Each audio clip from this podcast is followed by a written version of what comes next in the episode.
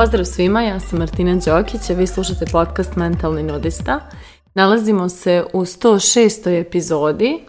i u ovoj epizodi govorit ću malo o tome kako to izgleda kad nam život izmiče,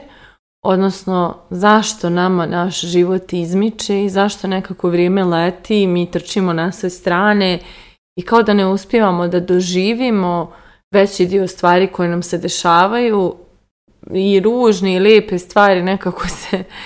usput e, nose dok se obavljaju obaveze odgovornosti, dok se trči, završava, stvara, gradi, preživljava i tako dalje. I e, nekako kao da se život dešava, a mi smo negdje pored njega i da, doživljavamo mi neke dijelove tog života, ali suština je da uglavnom kada vrijeme prođe i kada nešto iz tog vremena više nije prisutno u našem životu, osjećamo žalost što nismo to malo više osjećali dok se dešavalo. I ova tema je dosta povezana sa onom prisutnošću i sadašnjim trenutkom, ali istovremeno i povezana sa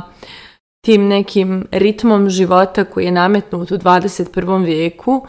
i sa tim koliko E, smo mi danas opterećeni kao, kao vrsta mi ljudi, koliko smo informaciji dali uh, na značaju i kao biti informisan, imati informacije, biti zauzet, raditi puno, boriti se, hustle hard i tako dalje, sve je to nekako dobilo primat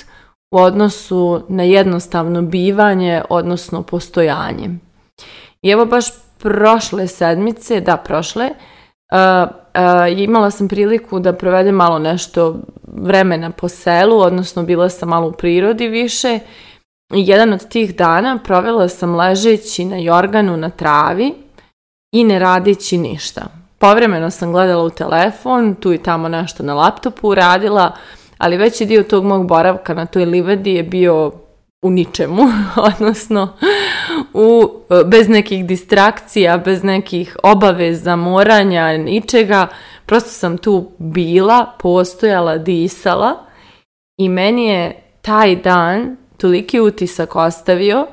da se evo danima vraćam na to i pitam se ko nas je uvjerio da moramo stalno neku trku da, da, da, da trčimo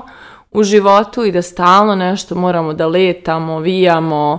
E, ne znam nija. Znači, preživljavamo praktično, krpimo neke rupe, gasimo neke požare, a život ode, a mi ga ne doživje smo. I e, baš negdje taj moment te jurnjave i tih zauzetih rasporeda i tih pretrpanih termina čini da mi često ne stižemo da osjetimo stvari koje nam se dešavaju, pa čak ni one najljepše. Na primjer, ja sam shvatila koliko čak i kada se vratim sa odmora, treba mi dan, dva, tri da nekako kontempliram i proživim, to jest slegnem te utiske toga što je taj odmor donio, odnosno na koji način je on uticao na mene, šta sam sve doživjela i da se nekako lagano vratim u svoju rutinu. E, ono što mene zna jako da poremeti, kada drito s nekog odmora uletim u radni mod i onda baš posle tog e, radnog moda koji obično kod mene predstavlja vikend, zato što obično vikendom držim edukacije, meni onda treba jedno dva, tri dana da se oporavim od tog naglog prelaska iz jedne energije u drugu i nekako baš se tada osjećam kao da sam e, se poremetila potpuno. I sjećam se, kada sam bila mlađa, moji roditelji su često imali taj moment da se uvijek vraćamo sa odmora bar dva dana ranije da bi oni imali taj jedan dan kod kuće pre nego što krenu da rade i sada negdje to potpuno razumijem. Jer nama je u 21. vijeku oduzeta ta mogućnost da postojimo i da osjetimo taj život i da ga negdje živimo dok je tu s nama. Da kada pijemo kafu, svjesno pijemo tu kafu, gledajući u tu kafu, mirišući tu kafu, Eh, osjećajući okus te kafe, pritom ovo vam priča osoba koja uopšte ne pije kafu, ili kada jedemo hranu, da jedemo bez distrakcija, da praktično um, budemo zahvalni što imamo taj obrok, da ga jedemo sa, sa prisustvom, sa osjećajem šta jedemo, na koji način to utiče na nas. kada provodimo vrijeme sa ljudima, da smo prisutni 300%, da, da cijenimo baš taj trenutak sa tim ljudima, umjesto da već brinemo o tome da li ćemo stići na sljedeću obavezu ili da li smo odgovorili na poruke koje su nam stigle na telefon i nekako stalno smo negdje, samo nismo tu u životu koji nam se upravo sada dešava. I kada negdje, e, ne, znam, evo na, na nekom mom nivou svijesti ovog ličnog razvoja i svega što sam do sad naučila, ako sam nešto naučila, ako nešto cijenim od svega što sam naučila, to je prisutnost. I e, pogotovo u kontekstu ljudi. Jer kada ne ode neko koga volite iz vašeg života zauvijek, ne, povratno, kada ga više nema, uglavnom vraćate uspomene i nekako vam žao što ga niste malo više grlili, što niste malo više razgovarali, što ga niste malo više pitali, što prosto niste malo više upili te trenutke koje ste imali s tom osobom i onda e, mene je to jako trglo prošle godine da krenem da živim u trenutku, u životu koji mi se sada dešava i ja znam da su neki gubici u mom životu neminovni, da ću jednog dana, mislim ako bude jeli po, po redu, e, izgubiti roditelje i psa kojeg imam i prosto znam da sad sve ovo zvuči tragično, ali to je, to je, to je činjenica, to nije izmišljotina.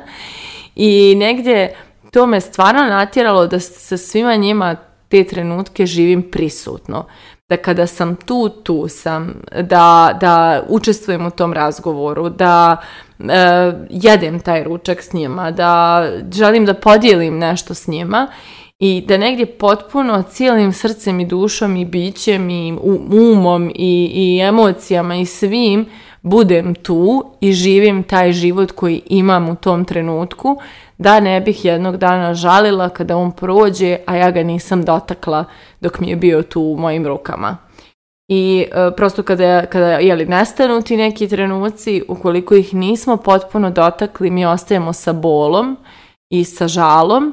a ukoliko smo bili potpuno prisutni u njima i dotakli e, taj život umjesto da nam je izmakao, mi ostajemo i sa zahvalnošću.